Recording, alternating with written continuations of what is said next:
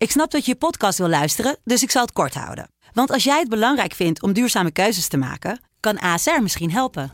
Nou hoor ik je denken, hoe dan? Nou, bijvoorbeeld bij het duurzaam herstellen van schade. Of de premies die we beleggen volgens ons duurzaam beleggingsbeleid. Dat bepaalt waar we wel en juist niet in investeren. Wil je meer weten over welke duurzame keuzes ASR maakt? Ga dan naar asr.nl slash duurzame keuzes. ASR doet het. Zo, dan kan je nu lekker naar je podcast luisteren. Vechtersbazen wordt mede mogelijk gemaakt door Unibed.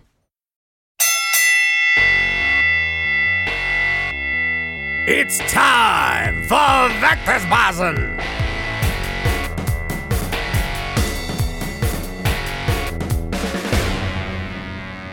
De vechtersbasis zijn terug in je leven. Terug op je oren of op je beeldscherm. Hoe je deze podcast ook tot je neemt. We zijn er op alle platforms. Je weet ons te vinden. Met je favoriete verhalen van je favoriete vechters. Zijn het de legends van gisteren, de toppers van vandaag of de sterren van morgen. En de man die naast me zit vandaag. Ja, is eigenlijk een beetje alle drie wat. Ja, ik denk het. Ja, eigenlijk van alle drie wat. Maar hij is sowieso een top van vandaag. Eh, vaker bij ons geweest, maar het was hoog tijd om hem weer een keer terug te hebben. Ilias de Blade, Ja. Dankjewel man. Altijd er gezellig. Ja, thanks. Ja, Thanks. rechtstreeks uit Rotterdam binnengevlogen. Eh, Den Bosch. Oh, Den Bosch. Den Bosch, ja, ja. Ja. Dus ik woon alweer een paar jaar terug in Den Zit Bosch. je man. mee in Oeteldonk? Ja, ja, ja. Ja, Oeteldonk, ja man. Dus ja, ik woon alweer een paar jaartjes in Den Bosch. Waar ik ben eh, geboren en getogen. Familie lekker dichtbij. Ja. Dus ja, ik kom uit Den Bosch. mooi. ik, ik moet altijd, als ik aan jou denk, altijd één anekdote die mij te binnen schiet. ja. En sorry als ik in herhaling val, maar het blijft nee, gewoon ik een mooi ik ben, verhaal. ik ben benieuwd. Ja, ik was toen, werkte toen voor de Telegraaf en ik kwam bij jou op visite. Want ja, toen zat jij je eindexamen voor, de- voor de Atheneum. Ja. En ik eh, ging een reportage over je maken. Want je moest ook vechten bij Infusion toen. Ja. Dat vond ik hartstikke leuk. En ik kwam toen bij jullie thuis en ik werd heel hartelijk ontvangen in Den. Bosch. En wat mag je dat zo zeggen? Jullie huis zag er heel Marokkaans uit, zeg maar. ja, maar toch Ja? weer niet. En eh, weet je, zoals je dat een beetje verwacht misschien. ja, En tot zover in het nieuws. En toen kwam jouw broer. ja. En die zei van, ja, als je in Den Bosch bent, dan moet je een bossenbol nemen. ja, ja, En ik vond dat zo schitterend. Ik weet niet waarom, maar ik vond dat gewoon heerlijk. Waarom? Dat de Marokkaan je bossenbollen Ik geeft? weet het niet. Het was, ik had het gewoon niet verwacht. Ja, ja, nee, tuurlijk. Als je in Den Ja. Bosch komt, moet je bossenbollen eten, Ja. man. Dat is, eh, Ja. ja, zijn lekker. Ja. Ehm, we hebben veel te bespreken, volgens mij. Eh, we hebben je een tijd niet gezien in Ja. ring of kooi. Dus daar gaan we het Ja. over hebben. Wanneer kunnen we weer zien? Wat ik sinds een tijdje doe, vind ik leuk. Moet jij ook doen. Is een rubriekje dat heet My First. Dus ik kan van jou een aantal dingen weten. Wat was jouw eerste? Ehm, Laten we beginnen met wat was jouw eerste baantje? Mijn eerste baantje. Ik heb er eigenlijk maar eentje gehad, moet ik eerlijk zeggen. Ja. En dat is, eh, ik heb ooit een keer, toen was ik eh, 14, 15, volgens mij heb ik in een restaurant heb ik gewerkt. Heb ik eh, de afwas gedaan. Maar dat duurde ook maar eh, twee of drie maanden. Ja, wat was het voor restaurant? Ja, het was gewoon een eh ja, eetentje. Ja. Dus ja, was wel leuk. Maar toen kwam carnaval. En toen had ik eh, drie of vier dagen gewerkt. Drie of vier dagen ruzie gemaakt en problemen. Met dronken mensen. En Ja. toen ben ik alweer gauw gestopt. Ja. Ja, ik denk, je hebt geen zin in. ja dus, daar had ik helemaal geen zin in. Man. Maar er, was, ja, er waren een paar dingen daar gebeurd. Die, ja, je kent het wel, carnaval is gewoon chaos. En dan, vooral Ja. in Den Bosch. Dus eh, nee, uiteindelijk eh, daar meteen daarna meegekapt. En dat was eigenlijk ook mijn enige baantje die ik ooit heb gehad. Ja. Nou ja, voor de rest. Ja, maar jij was natuurlijk, eh, want ik vertelde net, jij was scholier en je vocht al professioneel Ja, eigenlijk. Dus je bent eigenlijk van school meteen dat leven ingegaan. Ja, klopt inderdaad. Ja, kijk, ik, ik wist eigenlijk vanaf, ik denk dat klas 3, dan ben je denk ik 14, wat is het, 14, 15, toen wist ik al van oké, ik wil dit helemaal niet. Ik zit hier op school, ik wil mijn diploma wel echt halen, maar meer echt voor mijn familie, maar ik had er eigenlijk al helemaal geen zin in. Eh, maar ik wilde wel echt, ja, ik was het begonnen, dus ik wilde het ook afmaken. Maar ik wist toen al van oké, ik wil, eh, ik wil gewoon, dit wil ik gewoon doen de rest van mijn leven, vechten. Ehm, dus ja, ja, zodoende. Uiteindelijk was ik klaar, had ik mijn papiertje Ja. mijn diploma. Toen liep ik daar eh, naar buiten met mijn broer samen. En toen zei ik tegen me, hier, alsjeblieft, hier heb je mijn diploma. Ik wil niks meer van je horen, man. Zei, ja, ja, is goed, maar eh, wanneer ga je naar de universiteit? Ik zeg, niet, man. Ik zeg, misschien, tuss misschien tussenjaartje of zo. Ik zeg, maar eh, gaat het niet worden. Nou, nooit naar school gegaan.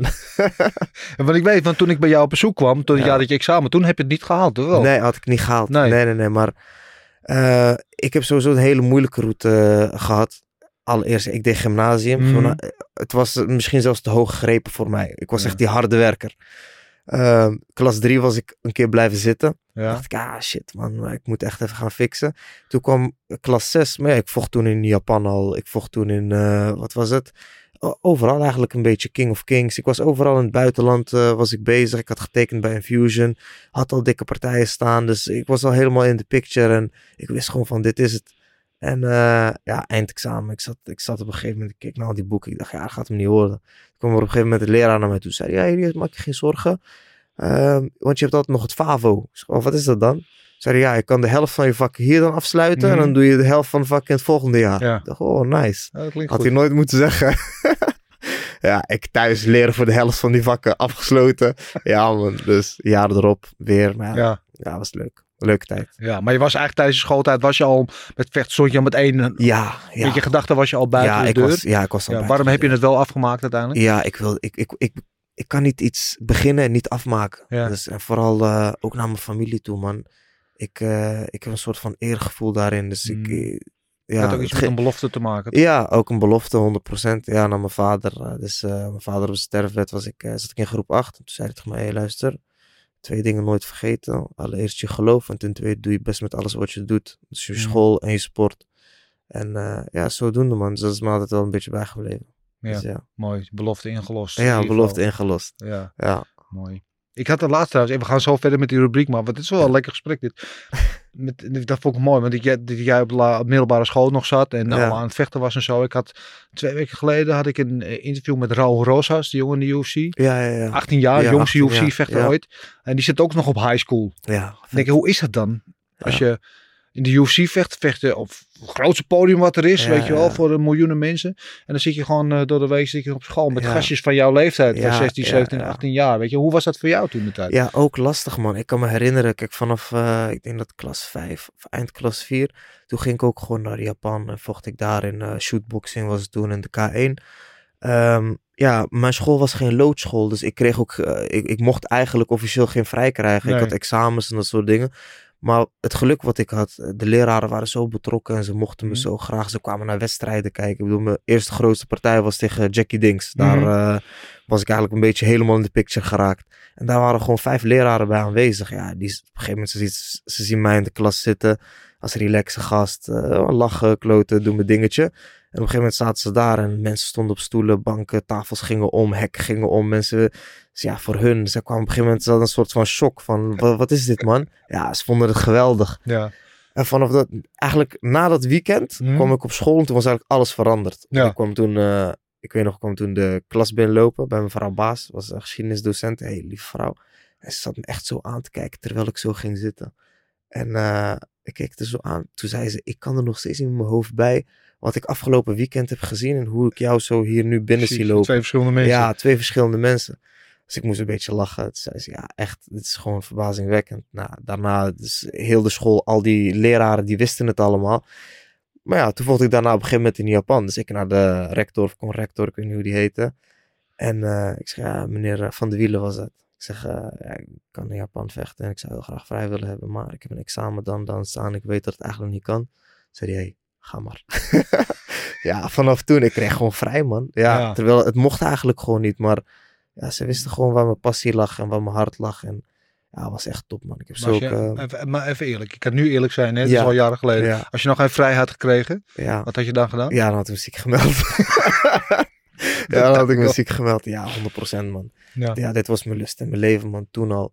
Maar ja, ik maakte toen, ik zat in klas 5, ik kwam net terug uit Japan. En de dag dat ik terugkwam, ik denk dat om 4 uur s ochtends of zo kwam ik pas thuis. Ja. En om 8 uur s ochtends hadden we een reisje naar Berlijn met school. Mhm. Dus ik kwam op een gegeven moment op school aan. En eh, iedereen had natuurlijk ge- meegekeken via livestream eh, online. Op een gegeven moment kwam ik in de bus en ze wisten dat ik pas om 4, 5 uur s ochtends thuis was. Hadden ze voor mij heel die, achter, eh, die achterste rij in de bus, hadden ze voor mij kussens neergelegd zodat ik kon slapen. Ja, dan kwam ik daar binnen, leraren zegt me, ga lekker slapen, praten we strakjes. Ja. Ja, ik kan daarna vertellen hoe mijn eerste keer Japan was. Ja, was geweldig. Man. was de verdette van het ja, gymnasium. Ja, ja, was leuk. Ah. Echt, echt een leuke tijd. Mooi man. Je eerste auto. Eh, eerste auto. Mijn broers auto. Ja? Ja, ja, ik, eh, wat was het? Ik was denk ik 17. Ik had toen mijn rijbewijs wel gehaald. Ja. Maar je moest eigenlijk rijden met iemand bij je. Naast je, ja. Maar ja, ik trainde al in Utrecht, Amsterdam, overal een Ja. beetje. Dus eerst gezegd, mijn broer, hey, eh, gewoon die auto, maar laat me gewoon gaan. Dus dat was eigenlijk mijn eerste, mijn officiële eerste echte auto. Ja. Volkswagen Polo, nee, eh, Volkswagen Golf 4. Ja, dat was, dat was de shit, man. Schermpje, alles erop en eraan.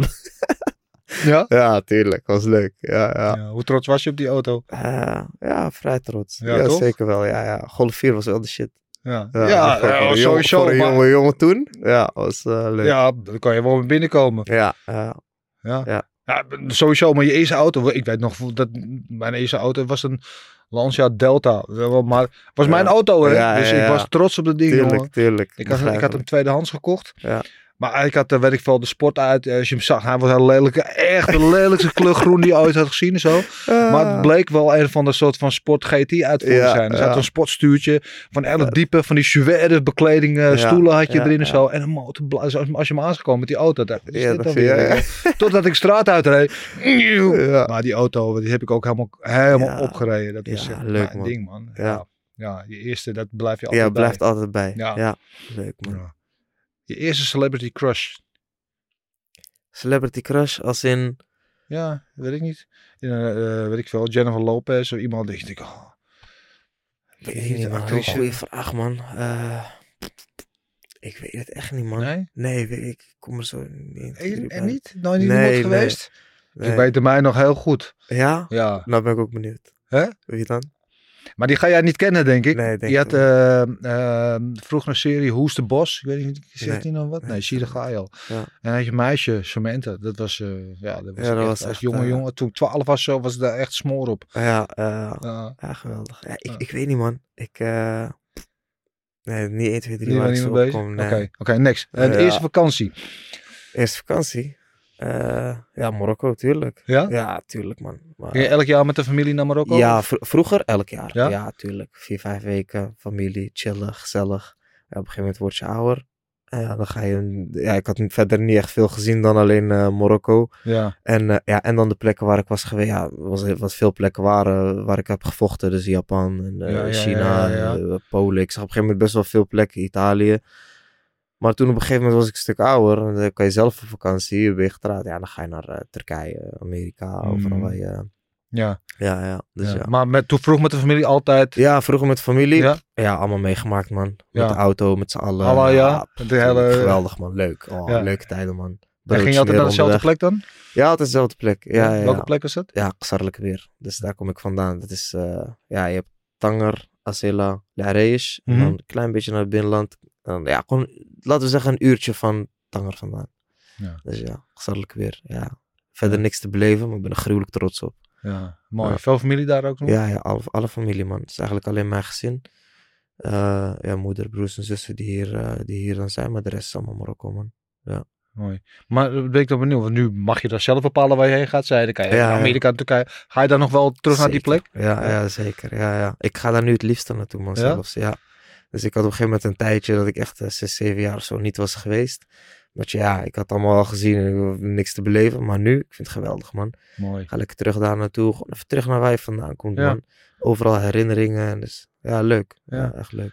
Veel leuk. Ja, je hebt ook gelijk, man. Ik Ik, ben, ik kom ben in Engeland, ik ben in Amsterdam, maar ik ben in Engeland geboren. Oh, nooit geweten, man. En de eerste vijf jaar heb ik in Engeland, woon in een plaatsje Hastings aan de Zuidoostkust. Kust. En toen wij op een gegeven moment, ik was vijf, kwamen we weer in Amsterdam wonen. Of mijn ouders weer in Amsterdam, ik voor het Ja, eerst.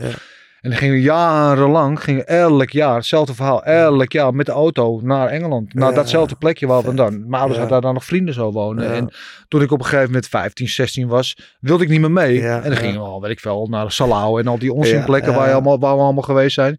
En toen ben ik eigenlijk vanaf mijn vijftiende ben ik nooit meer daar geweest.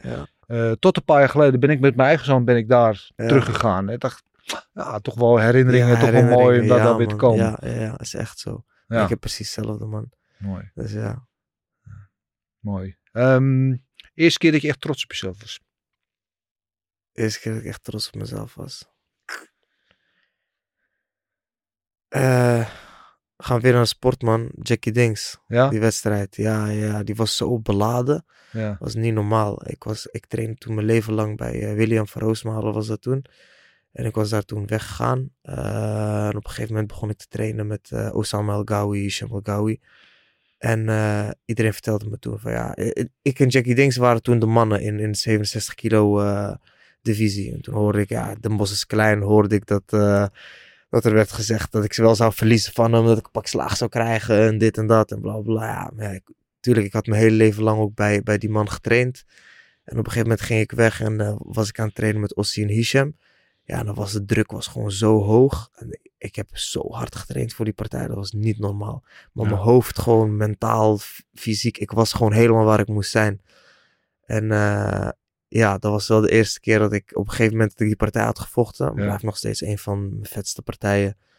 Eh, dat ik op een gegeven moment klaar was en dacht van ja shit man, ik heb het wel geflikt. Dit, eh, Ja. ja, en daarna Hoe ja, ging die partij? Voor mensen die niet weten. ja, was voor een Nederlands titel was het 5 keer 3 De eerste keer dat ik 5 keer 3 vocht ook. eh, tegen Jackie Dings die toen iedereen neersloeg ook. Ehm, ja, ik heb gewoon vijf rondes lang heb ik gewoon iets neergezet wat denk ik nog nooit iemand heeft neergezet. Man, dat was, eh, conditioneel was ik zo sterk.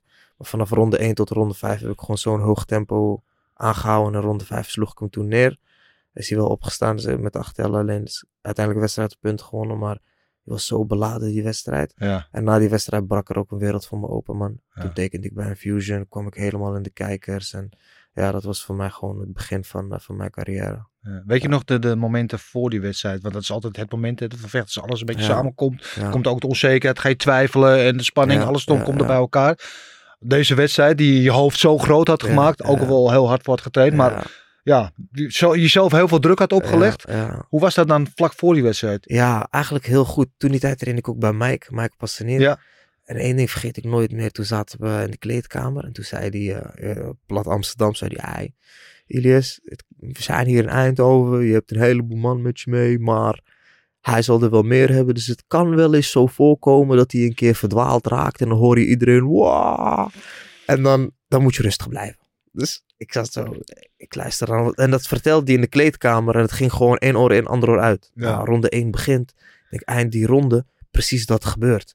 Dus ik, ik maakte een actie en hij raakte me zo half en ik raak een soort van uit balans. En iedereen, wow. En toen moest ik eigenlijk een beetje lachen in mezelf. Ik dacht, kijk, ik ben hierop voorbereid, man. Hij, dit heeft hij me al gezegd dat dit zou gebeuren. Dus ik bleef heel koeltjes, waar ik normaal eigenlijk helemaal para zou worden. ja, ja. Dus eh, ja, man. Maar ook die, die hele aanloop naar die wedstrijd. Er was zoveel vertrouwen. Er was zoveel. Ja, die, die partij is me wel echt het meeste bijgebleven, man. Mooi. Ja. Wijze levenslessen van Big Mike. Ja, van Big Mike. En ja, heeft hij er ook van. Ja, ja, ja. Geweldig. Ehm, je eerste paycheck van een gevecht. Wat heb je daarmee gedaan? Mijn eerste, ja, ik. eh, in de C-klasse vocht ik ooit een keer een eh, toernooitje. Was in Rotterdam. En toen eh, de winnaar van het toernooi was achtmans toernooi, viermans toernooi, ik weet niet. Kreeg toen 300 euro of zo. En die had ik toen gewonnen. En toen kwam, ik nog, kwam die gast naar me toe van, eh, die zei, ja, wat ga je doen met je 300 euro? Ja, 300 euro was heel veel geld toen. Ik was denk ik eh 14, 15. Hey, Ja, ja. nog steeds zoveel geld hoor. En toen zei ik tegen hem, ik zeg, hey, ik zeg, ik ga Prada schoenen kopen. ja, toen zei hij, wat? Hij zegt, heb je drie wedstrijden of twee? Ik weet niet wat het was. Hij zegt, heb je die gevochten? Hij zegt, voor Prada schoenen. Ik zeg, ja man, ik zeg, drie bar. Ik zeg, ik heb echt vette Prada schoenen in Utrecht gezien. Die ga ik halen. Ja? ja, ja, ja. En ik heb ze Heb gehaald. je gehaald? Ja, ja, ik weet nog precies hoe ze eruit zagen. Ja?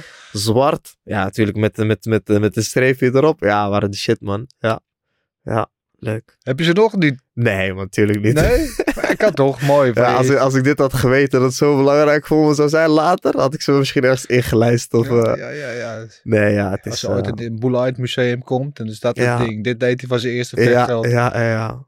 Drie barkjes voor Prada schoenen. ja, geweldig. Eh, de eerste harde klap die je zelf ooit kreeg. Eerste harde klap die ik zelf ooit kreeg. Mentaal fysiek. Noem fysiek. Nou, je mag ook mentaal zeggen. Kies maar. uit. Ja, ja, mentaal overlijden van mijn vader. Mhm. was ik 11 jaar oud. Ja, dus, eh, dat, was de eerste klap.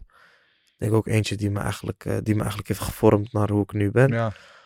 Eh, fysiek, ja, die weet ik ook nog. ja. Ja. Ook van je vader. Nee, nee, nee.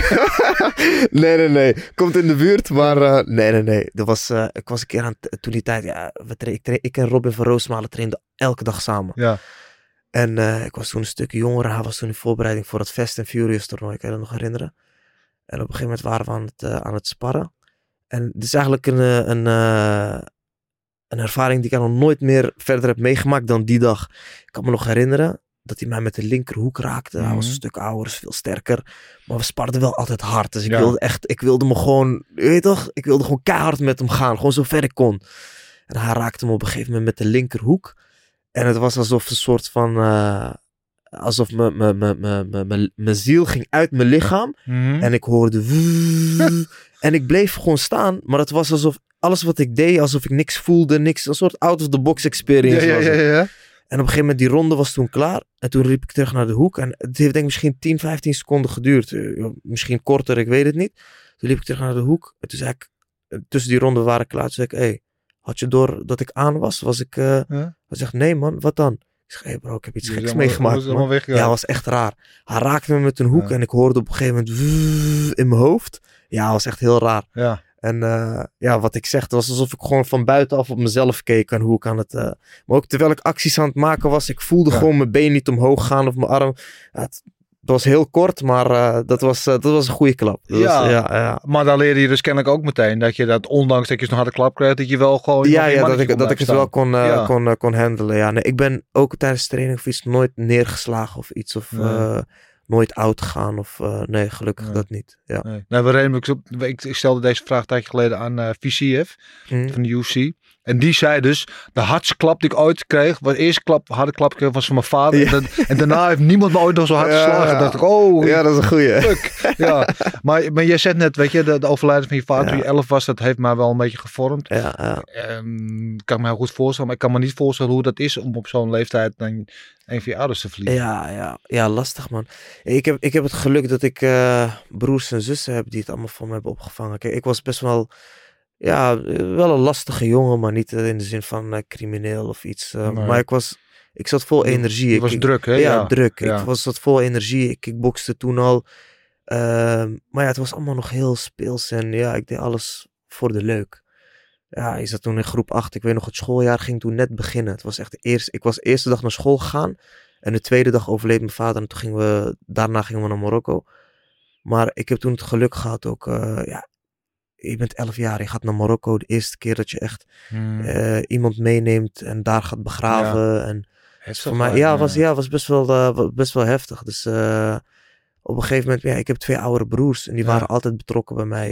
mijn zus ook, maar vooral mijn broers, ja, dat zijn jongens. Ze hebben een broertje die kickbokst en dus die waren altijd heel erg betrokken bij mij. En eh, die hebben het eigenlijk best wel goed voor mij opgevangen, man. Dus die, Ja. die rol van vader, die is heel belangrijk bij, eh, bij ons in de gemeenschap, bij ons in de cultuur. Ehm, ja, die hebben ze eigenlijk met z'n allen hebben ze die, die rol eigenlijk een beetje eh, onderverdeeld. Ja, maar Dus ja. Ik, ik was tien of elf toen mijn ouders gingen. Het zijn jaren waarin je heel erg gevormd wordt. Weet Ja, je, waar ja. alles heel erg. Ja, je bent wel bewust van alles, maar je bent wel nog in ontwikkeling. En toen mijn ouders gingen scheiden rond die leeftijd, dat was echt vernietigend voor mij. Weet je, en, en, dat, en toen, die waren er die leefde gewoon nog. Als, je ouder, als je vader dan overlijdt, dat, dat, nou, dat je wereld echt instort. Ja, 100% man. Het was, eh, dat was inderdaad de instorting van je wereld. Maar op een gegeven moment leer je daar ook een soort van mee leven, Ja, man. Dus ja. alles, alles wendt, alles. eh, ja, je leert er gewoon mee leven. Ja, ik, heb, ik heb echt geluk dat ik eh, twee oudere broers heb, vooral. En zussen. Eh, want ja, kijk, mijn, je hebt mijn moeder ook gezien, lang geleden. Misschien kan je het nog herinneren. Het is de liefste vrouw die er maar Mhm. bestaat. Dat als, je, ja, ja. als je haar ziet en je ziet bijvoorbeeld mij of mijn broers hoe rebels, of, dan denk je, dit, dit kan toch niet? Klopt dit, kan, niet. dit Ja. klopt toch niet? Gewoon, hoe, hoe komt dit? Er moet aan vaderskant ergens iets... eh, ja man, maar dus mijn moeder is gewoon veel te lief en veel te... Mhm. Dus ja, als je als, ja, als je als moeder zijnde die eigenlijk gewoon alles toelaat en alles doet voor je familie, eh, zulke rebelse zonen hebt. Dus ja, dan, eh, dan ja, ja. Ik, ik ben in ieder geval blij dat ik, dat ik mijn broers en zussen heb, man. Dus Ja. die hebben me... Ik, ik zou ook niet weten waar ik zou zijn Zijn beland zonder als... eh, ja, ja. Heeft, heeft jullie misschien wel juist, doordat jullie vader wegviel, jullie dichter bij elkaar gebracht? Heeft het jullie misschien uiteindelijk sterker gemaakt? Ja, ik denk dat het wel een beetje hetzelfde... Ja, sterker gemaakt sowieso. Maar ik denk wel dat het hetzelfde is gebleven. Ja. Het, is niet, eh, het zal niet... eh, kijk, een vader is toch de hoofd van de familie. Dus iedereen was altijd, altijd al bij elkaar. Ja, sinds zijn weggevallen is eigenlijk... eh, het is hetzelfde gebleven. Eh, Hmm. het, het, het middelpunt van, van, van familie is mijn moeders huis. Daar komt iedereen bij Ja. elkaar. Dus ik weet zeker dat als ik eh, vandaag binnenloop... Of als ik nu binnen zou lopen, binnen Ja. nu een twee, drie uurtjes... Ja. Dan komt de volgende of nog iemand. Dus er is, ja, het is altijd eh centraal punt. Ja. Maar hoe heeft het jou gevormd dan? Goeie vraag. Ik denk dat ik vanaf toen dingen serieuzer ben gaan nemen. Hmm. Ik bedoel, voorbeeld. Ik weet nog dat ik in eh, groep 6, 7, toen eh, gaven ze mij, zeiden ze, ja, je gaat gewoon VMBOT doen. En eh, dat is het. Misschien VMBOT HAVO. En dan, ja, waarschijnlijk wordt dat eh, T. En dan, eh, dat was het. Dus ja, op een gegeven Ja. moment eh, kom je in groep 8. Maar met, in groep 7 gaven ze me ook gewoon, Maar ja, waarom zeiden ze dat tegen je? Dat is niet. toch wel ja, dan gymnasium? Ja, ik deed, ik, deed, ik, deed, ik deed gewoon mijn ding op school, maar ik nam het allemaal niet zo serieus. Ja. Dus ik, eh, ja, leuk en aardig, maar eh, pff, Het zal wel. ja, het is allemaal wel. En op een gegeven moment ging ik daar echt een beetje over nadenken. En eh, ja, wat ik zeg, mijn vader, eh, een van de laatste dingen die hij heeft gezegd op het sterrenbed was, luister, allereerst jullie geloof, nooit vergeten, verwaarloos dat niet, alsjeblieft. Eh, en als tweede, doe gewoon alles gewoon zo serieus als dat je kan. Dus zowel met school als je sport, zorg dat je gewoon uitblinkt daarin. In wat je doet, blink daarin uit. En dat is me altijd eigenlijk bijgebleven. Dus daarna, wat ik zeg, begin schooljaar, groep 8, ging naar Marokko, kwam terug. Eh, vanaf toen was eigenlijk een soort van switch. Dus ik ging heel erg mijn best doen op trainen, op, eh, op school. Ja, op een gegeven moment eh, had je CITO-toets, had je toen nog. Mhm. En dus ja, ze gaven me toen, ja, misschien kan je HAVO wel aan. Toen had ik op een gegeven moment CITO-toets en eh, 550 was het hoogste en ik scoorde 549. Toen dacht ik, oh, ja, toen kwamen weer mijn broers erbij. Ze hey, weet je wat jij moet doen? Ga je gymnasium, heel gek. Toen dacht ik, ja, mm, oh, weet je wat, kom maar, is goed. Ja, Dus ja. ja, natuurlijk. Ja. Een Piet. Ja, zo, zodoende. Zo is het eigenlijk een beetje gelopen allemaal. Ja. Dus ja, maar vanaf toen is eigenlijk, eh, ben ik dingen wat serieuzer gaan nemen. Ja, omdat je ook meer verantwoordelijk voelde. Ja, tuurlijk. Ja, ja. Maar ook voor mijn broers. eh, Maar kijk, mijn broers waren de, het huis al uit. En ik en mijn broertje waren de enige die nog bij mijn moeder eh woonde. Eh, dus ja, mijn broers, eh, die, mijn oudere broers waar ik naar opkeek, die kwamen naar me toe en die zeiden, hey Jof, luister, je bent vanaf nu de man van het huis, toch? Ja. Dus je weet, ik werd eigenlijk al op een hele jonge leeftijd een soort van eh, volwassen, ja, Ja. volwassen gemaakt. Dus eh, daarom, ja, ik denk dat het mij zo wel een beetje heeft gevormd naar, Mooi man. ja, ja. Ja. Mooi. En nu ben je hier. Nu ben ik zit je bij vechtersbasis. Ja, dat heb je allemaal gemaakt, de- jongen. Ja, Ja. of niet dan? Maar ehm, ja, over vechtersbasis gesproken. Vechtersbasis ben je zeker. Ik Je weet, ik volg je al heel lang. Ehm, ik heb je al lang niet gezien, man. In, in Ring of Kooi. Klopt. Dat, eh, we net eh, samen, althans kwam Ja, 14, ja. 15 maanden geleden, de laatste keer. Eh, what's up with that? What's up with that? Ja, ik heb, zoals je weet, mijn leven lang gekickboxd. Uiteindelijk die switch gemaakt naar het MMA. Maar ik wist ook al dat daar een heleboel tijd in zou stoppen. Of een heleboel tijd in zou zitten. Eh, vandaag dag zie je jongens die eh, trainen twee, drie maanden. Die denken ik ga een MMA-partijtje draaien. Eh, leuk en aardig. Ik heb dat ook gedaan. Alleen dan in, in, in, in Bellator. Dus Mhm. ja, en ik was toen al eventjes bezig. Ja, Maar dat stukje grappelen, dat was voor mij helemaal nieuw. Dus de angst voor de grond, de angst in de clinch, de angst voor het worstelen. Ik wist dat daar een heleboel tijd in zou zitten. ja. Dus ik heb mijn tijd, mezelf die tijd ook gegund. Nou, ik begon heel goed. Met twee partijen heel kort achter elkaar. Twee dikke partijen. Toen kwam corona. Ja. Ja, die heeft, die heeft me echt gewoon... eh, ja, gebroken in mijn hoofd ook, man. Ja. Het was echt... eh, Hoezo gebroken? ik ben gewend geweest altijd vijf, zes keer per jaar gewoon te vechten en Ja. actief te zijn. En op een gegeven moment komt corona. Je hebt geen vooruitzicht op wanneer je kan vechten. Je hebt geen vooruitzicht op helemaal niks. Dus je bent eigenlijk alleen aan het trainen.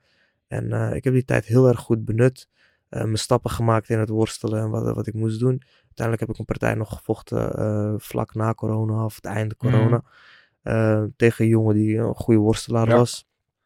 Ehm, die partij weten te winnen. Ja, Maar ik was niet helemaal ehm, blij met wat ik daar heb neergezet. Want het was de eerste keer dat iemand echt kwam om me, om, om me naar de grond te brengen. ja. En eh, ja, het, het grappelen bij mij eigenlijk oplegde. Dat is, dat is me goed afgegaan, want ik heb die partij gewoon dik gewonnen. Leuke partij ook, maar ik heb niet dezelfde sensatie en dezelfde Voldoening. eh, voldoening eruit kunnen halen. Ja, dat is het woord. Eh, als die, ik- die ik uit partij 1 en 2 heb weten te halen Mhm. daarna direct sportschool ingegaan, kaart gewerkt. Ja, mijn trainer toen overleden, Sully, waar ik toen eigenlijk eh, dag en nacht mee trainde mee, mee was. Ehm doorwezen gaan met trainen. Maar ja, sinds het begin van mijn MMA-carrière liep ik al met een blessure rond van mijn hand. Eh, die had ik vlak voor de eerste, keer, voor, voor de eerste MMA-partij gebroken. Ja, In mijn eerste MMA-partij weer gebroken. In mijn tweede MMA-partij gebroken. Ehm, altijd met het probleem blijven die rondlopen. kleine handschoentjes. Ja, ja, ja, maar altijd met het probleem blijven rondlopen. Op een gegeven moment, ja, specialisten opgezocht en ik kreeg alleen maar te horen, ja, riskant, riskant als we eraan gaan zitten. Ik ben bang dat daar je vingers eh, verlamd raken. En dan, ja, echt Oh, de gek, ja, de gekste Ja. shit heb ik gehoord, man. Dus eigenlijk werd mij een soort van gezegd, leren maar mee leven. Dus ik trainde daarmee en letterlijk elke stoot deed gewoon echt pijn. Ja. Gewoon voor jarenlang. En op een gegeven moment was ik echt gewoon helemaal zat, man. Toen dacht ik, hé, ik moet even gaan kijken naar hoe ik dit... Er moet toch wel iets zijn, er moet toch wel iemand zijn die me kan helpen. Nou, via via nog een andere orthopeed ben ik weer naar iemand doorgestuurd. Met Melvin gesproken, met Said gesproken. Ze zei, hey, ga daar even kijken. Uiteindelijk een meneer gevonden die me kon opereren. Is dus gedaan begin van dit jaar. En eh, ja, hij ziet er eh, nog niet zo heel vrij uit. Maar Nee. hij is eh, een stuk beter als, als dat het was, man. Dus ik heb nu minder pijn als, als voor de operatie. Maar het, het zit er nog wel. Ja, het zit er nog wel. Ja. En hoe is dat dan wel? Kan je alweer stoten en doen Ja, ja, zo? ik stoot al wel weer. Ja. Ja, ja, wat ik zeg, beter als, als hiervoor. En, en, Met en, minder en hoe is dat dan met die angst? Ja, ik merk nu dat het een soort van minder wordt. Omdat Ja. ik steeds meer vertrouwen begin te krijgen in die hand. En dat ik steeds meer ook kan. Ik merk ook echt ja, met de week dat er vooruitgang in zit. En nu zijn we terug op het punt dat we gewoon weer lekker kunnen vechten, man. Ja, Dus ja, maar Dat, want dat is een ding, hè? Want dat is ook de een mentale barrière Ja. die je moet overwinnen weer voor jezelf. Want 100%. wat je vaak hoort met vechters, en ik hoop dat het bij jou niet is, maar als een hand eenmaal daar ergens een bepaalde plek blijft, dan blijft die breken. Dan blijft het altijd een fragiel iets. Ja. Ehm, is dat iets waar je bang voor bent? Nee, daar ben ik niet bang voor. Dus eh, de meneer die mij heeft geopereerd, eh, weet waar hij het over heeft. heeft Badr geopereerd, Melvin ook. Ehm, die vertelde, hey, dat was ook een van de vragen die ik hem stelde van, hey, en hierna? Zei hij, luister Ilias, ik weet zeker, dit en dit en dit is wat er gaat gebeuren in, in je herstelproces. En alles is ook uitgekomen daarin. Ehm, en hierna is het ook gewoon echt, is het ook gewoon goed. Dus, eh, dus ja, het is nog een soort van verdoofd mijn vingers hier, nog steeds. Mhm. Maar ik kan in ieder geval slaan, daar gaat het me om. Ja. Ik, kan, ik kan slaan, eh, ja, eigenlijk bijna weer zoals, zoals hiervoor.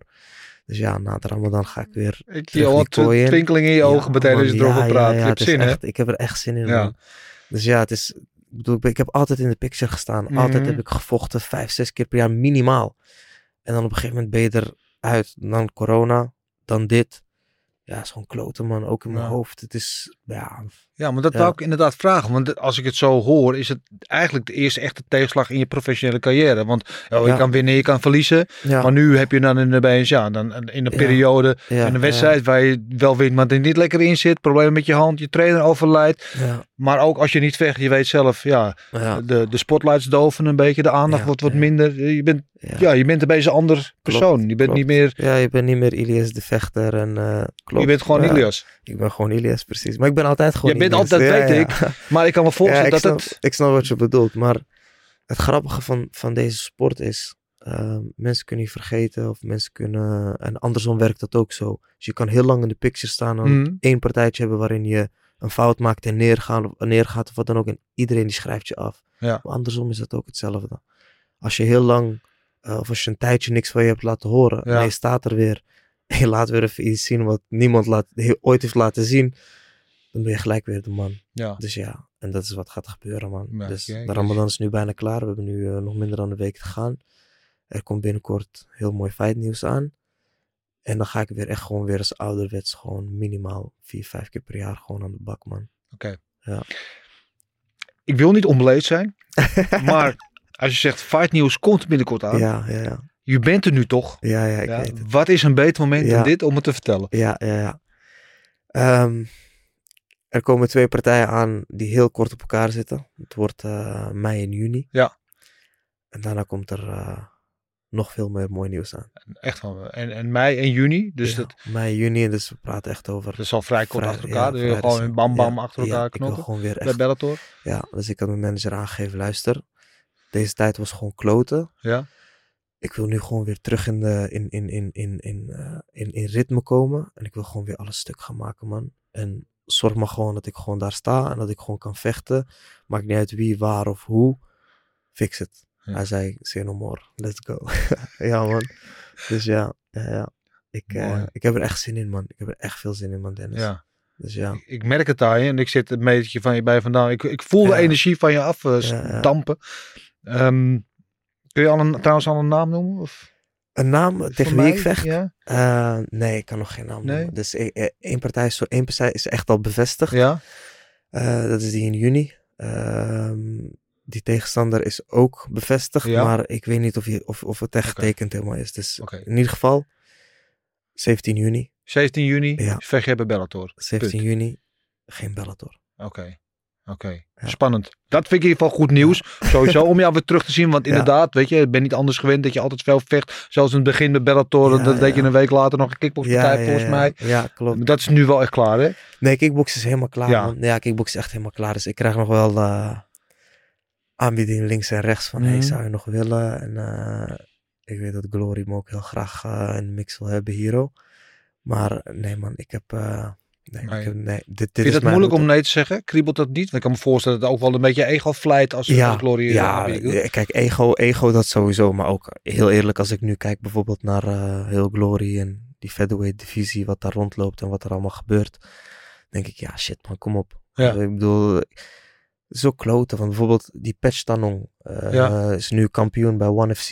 Ja, ik ben de laatste, in 2019 was dat, sloeg ik hem neer, Ja. gaf ik hem acht tellen, eh, won de partij op punten. Ik was de laatste die hem echt een pak slaag heeft gegeven.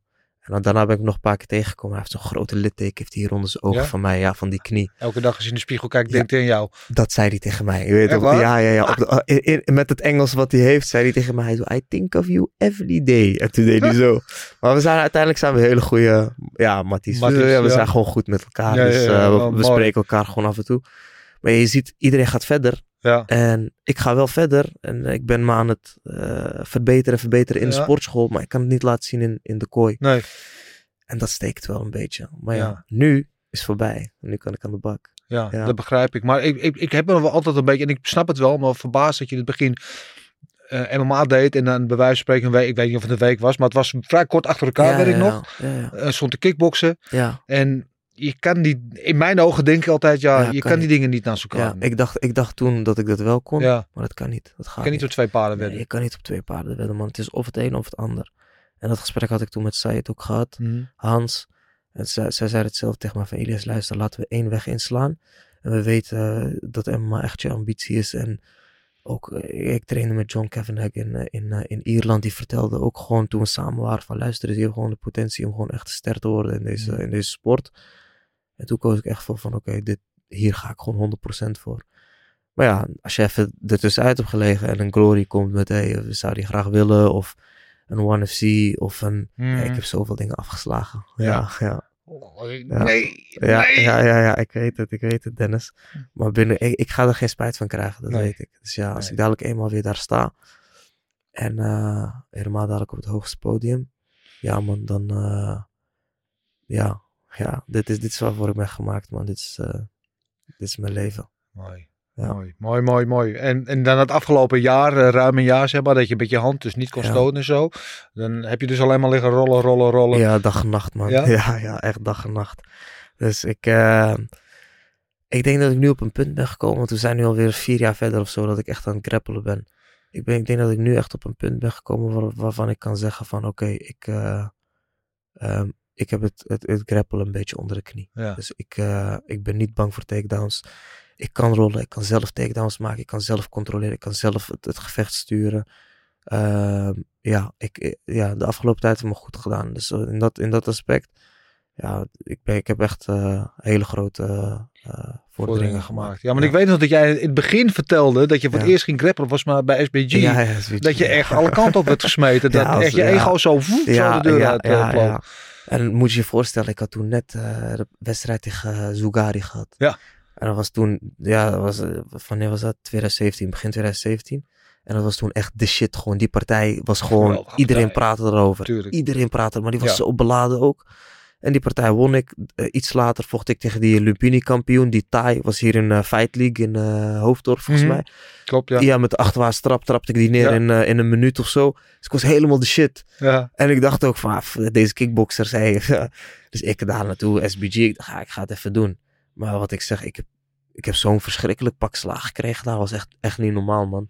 Dus dat was, was niet leuk, was echt humbling. Was, dus toen ben ik teruggegaan met echt een gebroken ego, wat ik je toen ook vertelde.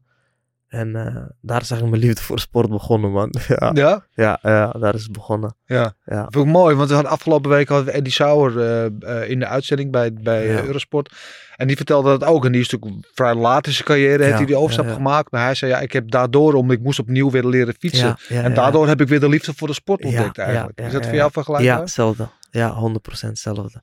Dus ik ga niet zeggen dat ik het gevoel had dat ik alles had uitgespeeld in het Nee. kickboksen. Maar ik was heel ver en ik was, in zo, ik was zo goed bezig. En ik had de beste jongens verslagen. Ik bedoel, de jongens die ik toen die tijd vers- ver- ver- eh, had verslagen, die zijn nu kampioen eh, in nummer 1 contender, eh, wat het allemaal ook Ja, is. Dus ja, ehm, het was voor mij nieuw. Het, een wereld ging voor me open. Het was een nieuwe uitdaging. En ja, op een gegeven moment als je het gevoel krijgt dat je beter ergens in wordt en je gaat echt liefde voor een sport. want voor mij was het aan het begin was het ook, ik hou niet van die knuffelende man op, Ja, ja, canvas, ja, maar ik vind helemaal niks. Zoals man. alle kickboxers ja, altijd zoals alle dachten, kickboxers altijd, al- altijd eigenlijk dachten en zeiden. Eh, dat dacht ik eigenlijk ook. Dat was de algemene opvatting voor mij ook. Dus ging ik daar op een gegeven moment naartoe. En eh, ja, jongens van 16 submitten mij. Ik kreeg zo'n pak slagen, maar dat was echt eh, schandalig. Ja, dat was echt erg. Ja. Maar nu gaat het dus goed. Nu gaat het goed, heel goed zelfs. Kan je nog het moment herinneren in die transitie nu, hè, in die Mhm. afgelopen jaar of zo, dat je die, Ja. die stap hebt gezet in het grappelen en het grondwerken zo. Dat je, Ja. dat je merkt aan jezelf dat je van oké, nu heb ik iets te pakken, nu gaat het de goede Ja. kant op. Ja, de allereerste keer dat ik er naartoe ging, kreeg ik eh, een verschrikkelijk pak slag van Richie Smullen. Ja. Richie Smullen die vecht nu in Bellator. Hij Mhm. vecht eh, in juni vecht hij ook tegen de nummer 7 ranked of zo. Ik weet niet wat het is. Maar ehm, hij gaf me toen zo'n verschrikkelijk pak slag. Maar echt spelend gewoon. Gewoon, Hij deed niks eigenlijk. Hij Nee. deed gewoon helemaal niks.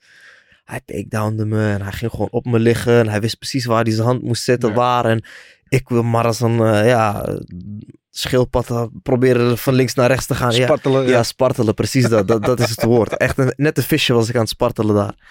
En op een gegeven moment, eh, ja, echt jaren later, toen trainden we weer samen. Dus we hadden daar, eh, een paar keer alweer getraind, zeg maar, de periodes daarna. Dus ik zag al wel dat het beter wordt. Maar op een gegeven moment, echt jaren later, hadden we elkaar een tijd niet gezien. Toen gingen we weer grappelen. En toen was het andere koek. Dus ik ga niet zeggen dat ik een pak slaag heb gegeven. Zeker niet. Nee, nee, Maar- kon je verweren. Ja, hij kon me niet naar de grond brengen. En toen ik op een gegeven moment echt zoiets had van... Oké, ik kan me niet naar de grond brengen. Laat mij het maar proberen. We gaan op de grond. Toen ging het ook heel erg goed. Toen dacht ik, ah, oké, wacht even. Ah. Volgens mij heb ik, eh, ja... Hoe voelde het, dat? eh, goed. Ja, ja, satisfying, man.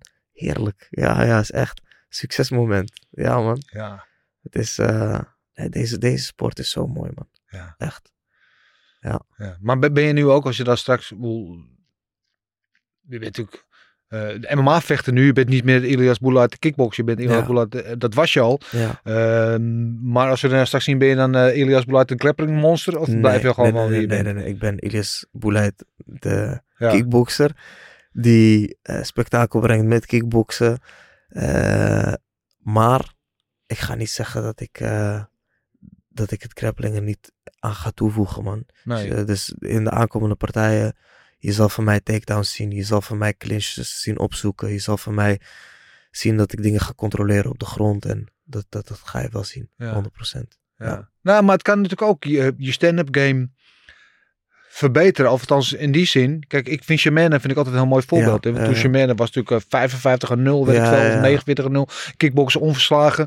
Eh, die ging toen naar de UFC. In het begin ging het ook nog wel. Maar je merkte aan haar dat haar stand-up nooit helemaal eruit kwam. Waarom? Omdat ze bang was om op de rug gelegd te worden. En omdat ze daar niet goed genoeg was. En op een gegeven moment heeft ze daar ook die omslag in gemaakt. Ja. En is voor mij paasband is ook bij je Ja, zo. volgens mij wel, ja. Won toen op een gegeven moment zelfs op submission Ja, eh, van, ja. van Peña. Van Penny, als je Ja. die kan submitten, dan... eh, Dat bedoel ik. Ja, Weet je, en maar daardoor merk je dat haar stand-up ook beter uit de verf kwam. Omdat Ja. zich comfortabeler je wordt comfortabeler, dat is het. En dat, dat is eigenlijk waar we vanaf begin af aan al aan hebben gewerkt.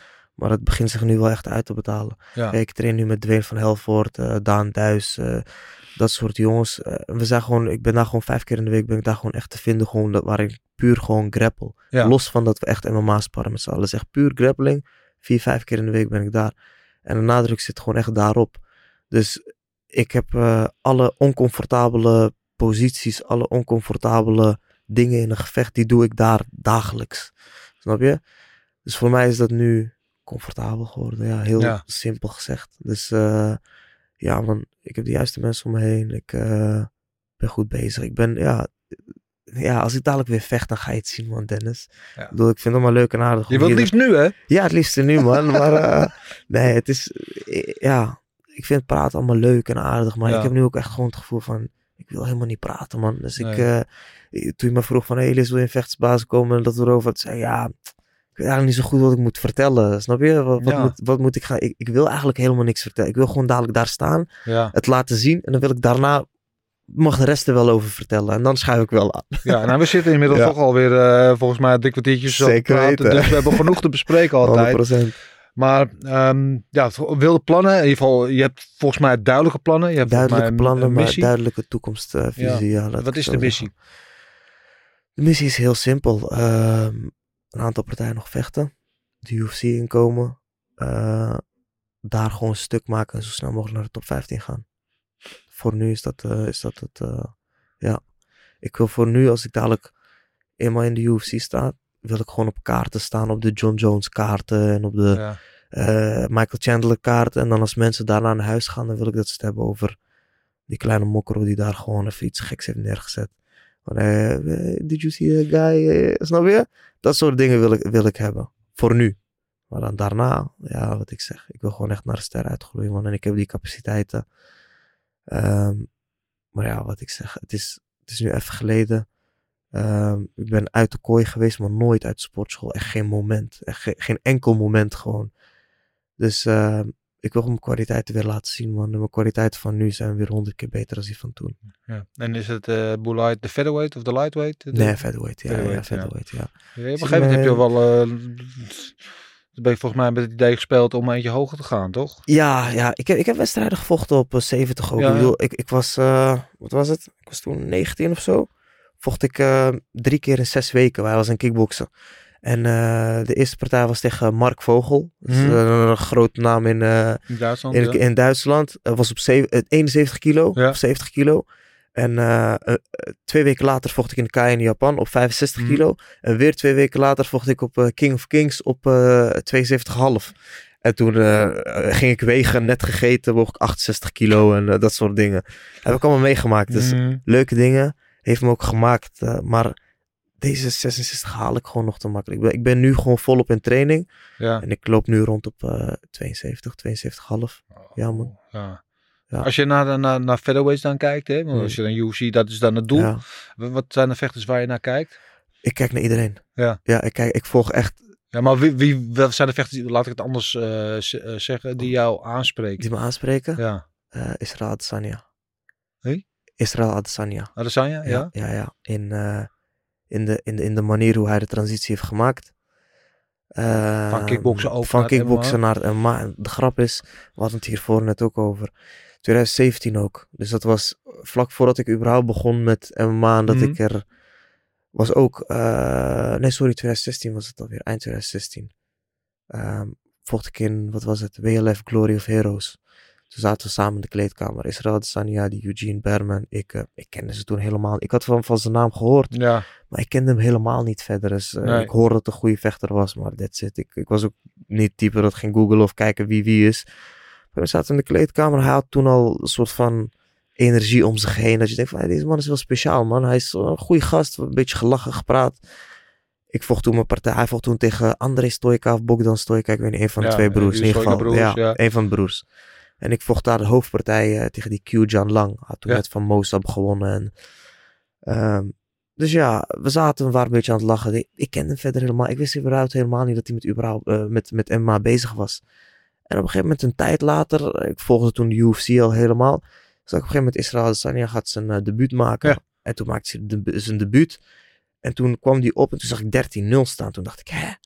Is deze man al zo lang bezig geweest met, met MMA? Hoe dan? En hij kickbokste toen die tijd ook. Hoe, eh, hoe dan? Ik heb het een beetje opzoeken en kijken. Dus ik heb het vanaf echt het begin van zijn MMA-carrière in de UFC... heb ik Mhm. het gewoon zien gaan naar wat het nu is. ja. Ja, inspirerend man.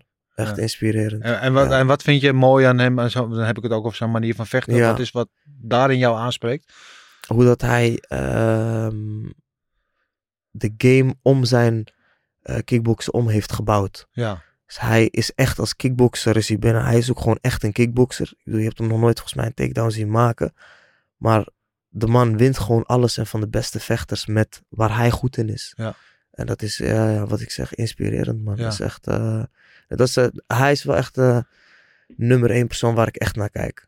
Dus dat is, eh, en daarnaast heb je ja, meerdere gasten. Ja. Zo'n Alex Pereira vind ik ook geweldig om naar te kijken. Alleen is het toch anders. Ja, ja ik, snap, ik snap wat je bedoelt anders. Ehm Adesanya vind ik altijd het schoolvoorbeeld van, die, van een kickbokser die Ja. in allemaal, niet- alleen succesvol, hij is gewoon een van de beste middleweights alle tijden, zeg maar. Ja. Maar die zijn kickboxstijl weet aan te passen op zo'n manier dat het ook werkt in MMA. Zonder dat hij een goede grappler is. En misschien kan hij wel goed grappelen, weet zie- Hebben we nooit gezien. Weer hetzelfde verhaal natuurlijk. Maar, maar ja, hij is voor mij altijd het schoolvoorbeeld ja, van dat. 100%. Ja, ja. Ja. Ik vind hem geweldig, man. Echt, eh. Hoe vond je dan vorige week die wedstrijd van Adesanya tegen Pereira? Ja. Eigenlijk kickboxwedstrijd met kleine handschoenen. Ja, gruwelijk ook, man. Ja. Ik bedoel, als je met drie keer hebt verloren van één dezelfde gast. En deze gozer is eigenlijk een soort van jouw boogeyman, toch? Ik bedoel, hij, is hem, eh, hij heeft hem met kickboksen twee keer, eh één keer platgeslagen en één keer van hem gewonnen. En daarna heeft hij eigenlijk, heeft Adesanya voor hem de weg fijn getuned om zo snel mogelijk naar die titel te komen. En ja, hij komt dan binnen. Binnen een jaar is hij dan weer daar. En dan flikt hij het toch om hem neer te slaan en de manier waarop.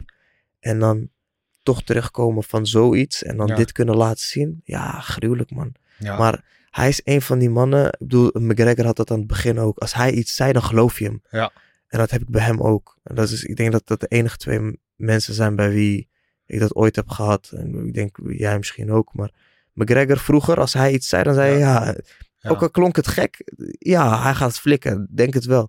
Bij hem is hetzelfde verhaal. Als hij iets zegt, denk je, ja man, Ja. man gelooft er echt in. Hij Ja, kan dus met een soort van mentale kracht. En McGregor had dat, of heeft, ja, misschien heeft het niet had. helemaal, maar hij had heel erg dat hij kon het met zoveel overtuiging zeggen. Dat, Ook al was het onzin of was het heel raar, Ja, maar dan ging je toch geloven. ja, Omdat hij zo overtuigd was. En dat was het vaak ook. Ja, wat was, ik bedoel, eh, McGregor eh, maakte nog grappen daarover in het begin van zijn UFC-carrière. Van ja, als ik dadelijk dit heb gedaan, ik heb twee titels. Ja. I'm gonna jump over to, to boxing and fight fucking Floyd Mayweather. Ja, is toch geweldig, man. Ja. En dan daarna doet hij dat. Ja. Is, eh, ja. geweldig. Ja. Wat ik zo indrukwekkend vond aan Adesanya vooral. En de wedstrijd, eh, hoe hij hem won, was natuurlijk fantastisch. Maar in mijn ogen was hij hem tot dan was hij hem niet aan het winnen, laat ik het zo zeggen. De tweede, deze wedstrijd, laatste. Die laatste wedstrijd. De eerste wedstrijd juist wel. Ja, en de toen, en toen sloeg ja. Pereira hem ko. Nu was Pereira de eerste ronde aan het winnen. Zet hem in de tweede ronde onder druk. En. Maar wat ik vooral indrukwekkend vond, en indrukwekkender dan de, de, de finish zelf, is dat als je hebt vier keer tegen, of drie keer tegen iemand al gevochten. Hij is jouw boogeyman. Hij is, komt in jouw nachtmerries, komt hij jou Ja, halen. Ja, Ja, en dat je de mentale kracht vindt om daar doorheen te trainen. Om voor de vierde keer de strijd aan te gaan met diezelfde man die jou drie keer gewoon met een verliespartij naar huis heeft gestuurd. Ja. En iedereen, de media, de experts, allemaal zeggen, hij heeft je nummer. Hij gaat weer van je winnen. Maar Ja. dat was de tendens Ja, was van echt- tevoren. Jij bent misschien wel beter. Ja. Hij gaat je gewoon weer KO slaan. En dat je daar allemaal mee omgaat. En dan zo. Dus ik begreep ook dat hij dat zoontje, zijn zoontje nadeed. Ja. Was natuurlijk een beetje, een beetje, het is niet netjes. Is maar ik snap het wel. Ik snap het ook. Weet je, al die frustratie en ontlading eruit kwam. Maar dat je zo diep kan gaan en mentaal zo sterk blijft, dat je Ja. al die dingen aan de kant gaat schuiven om Ja. toch dat te doen. Dat Ja, vond ik geweldig. ongelooflijk. Ja. Maar weet je wat ik ook vet vind? Die man heeft daarna gewoon een interview in de octagon. En hij brengt daarin een bericht over zonder één keer te stotteren of te haperen in wat hij zegt. Hij had alles al zo in zijn hoofd. eh, het, zat, het zat er gewoon al. Hij wist gewoon al wat er ging gebeuren. En Mhm. hij geloofde er zo erg in. En dan ja, ja, ja geweldig. Schitterend. Ja, ik vind dat dit, dit, dat daarom was het echt een monumentale wedstrijd. Niet eens zozeer om hoe het, wel om hoe het eindigen, maar niet door die knockout, maar gewoon Ja. dat hele verhaal eromheen. Dat maakt het gewoon, Geweldig. Ongelooflijk. Ja. een wedstrijd waar we het jaren later nog over zullen hebben. 100%. Daarom. Ja, 100%. Ja. En, en als we het over featherweights hebben, hè, want dat is jouw divisie, en dan kijk je, Ja. kijkt niet iedereen, zeg je, maar zijn er in die divisie dan nu in de UFC mensen waar je aan naar kijkt, oh, Ja. die vind ik tof, of dat vind ik... Eh Volkanovski als Ja. eerste. Eh Jair Rodriguez, Max Holloway. Eh, ja, die vind, ik, die vind ik wel echt, echt tof om naar te kijken. Voor de rest, ik, ik bekijk eigenlijk al die gasten, Ja. man. Edson Barboza vocht gisteren. Ja, ook geweldig. Ehm, ik volg het eigenlijk allemaal. Die Ilia Torpuria, die eigenlijk Ja. ook uit Leeds is gekomen. En ineens, eh, ik volg ze eigenlijk allemaal. Dus ik, eh, los van dat ik hier zelf, ik ben ook echt gewoon fan van de sport, man. Ja. Dat is het. En dat heb ik ook aan mezelf gemerkt. Bijvoorbeeld kickboksen nu, ik volg het helemaal niet meer. Nee. Gewoon echt niet meer gewoon. Het is echt, eh, ik zat laatst kom ik je tegen waar we, deed ik het commentaar bij Infusion, en ja. Fusion. En toen zei ik ook tegen Vinnie en ik zei, luister, ik ken al deze jongens niet. Nee. Eh, niet, niet zo bedoeld van er is geen talent of wat dan ook, want er was een heleboel talent. En, ja, er zijn, ja, ja. ik ben er gewoon, ik volg het gewoon helemaal niet meer, man.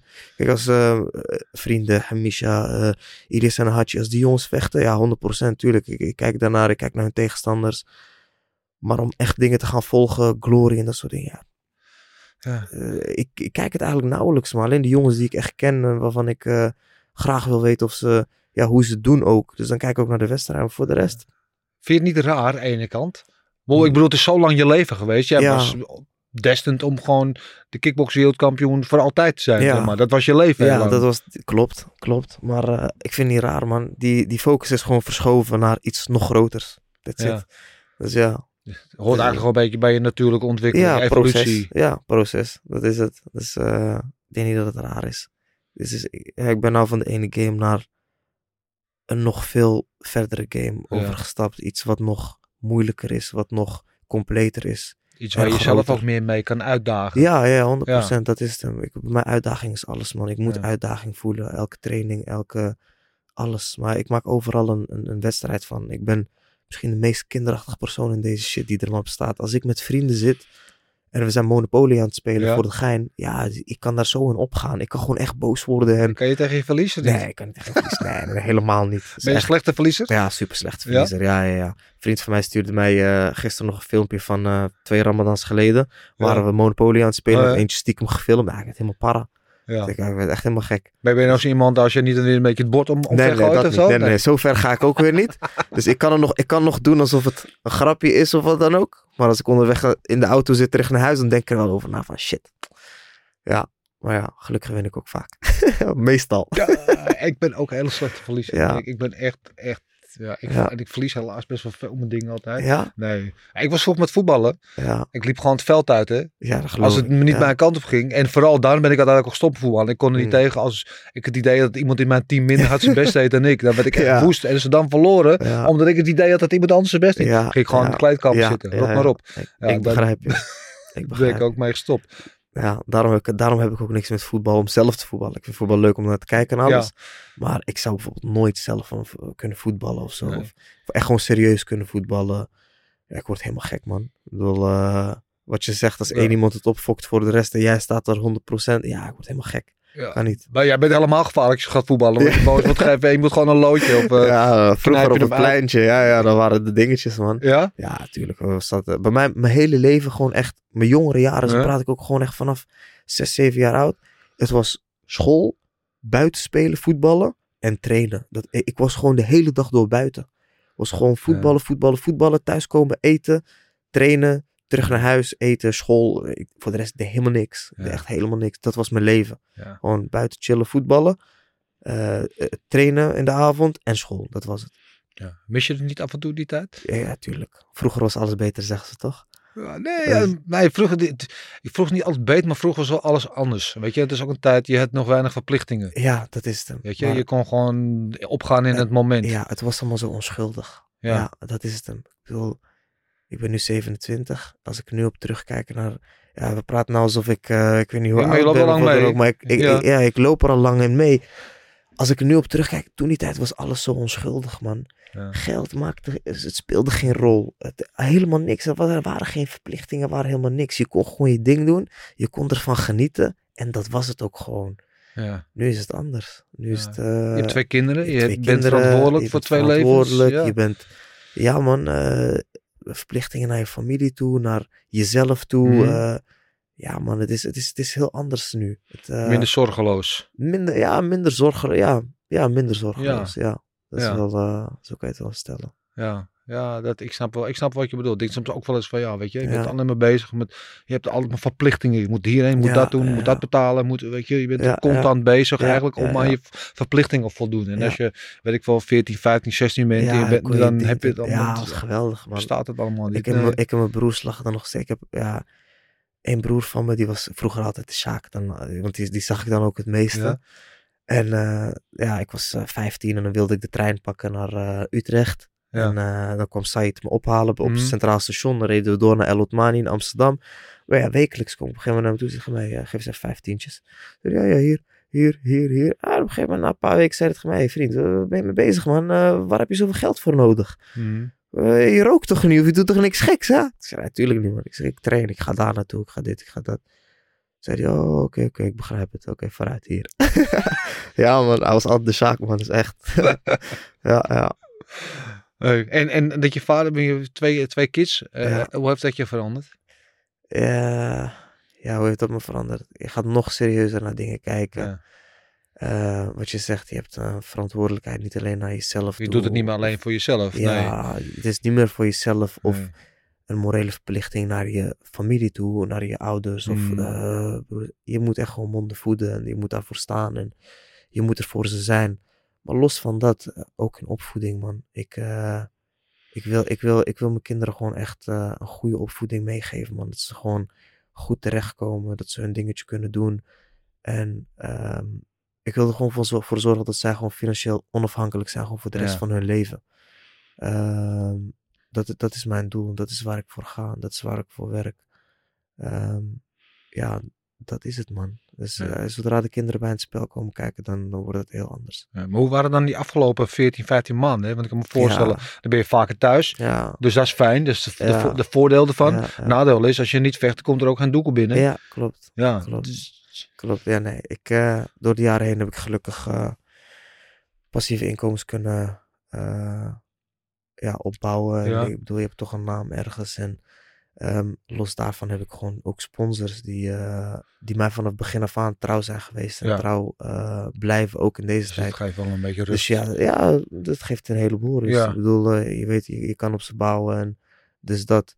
Ehm, en los daarvan, ik ben iemand, ik ben een hele simpele jongen. Ik heb niet veel nodig, man. Nee. Niet meer bij elke paycheck Prada schoenen kopen. Nee, nee, nee, dat was, dat was toen. Toen was het leuk. Dus, en, maar nu ook, man. Ik, ik geef er allemaal niks om, man. Nee. Toen als je tegenwoordig die gasten ziet en ze kicken op eh Rolexen en eh, weet ik veel. Hey, vriend, ik kom hier binnenlopen met mijn XXL t-shirt en mijn Ja. spijkerbroek. Ik vind het allemaal leuk. Ik heb niet veel nodig, man. Eh, het is, er gaat wel een heleboel aankomen, maar don't get me wrong. Snap je?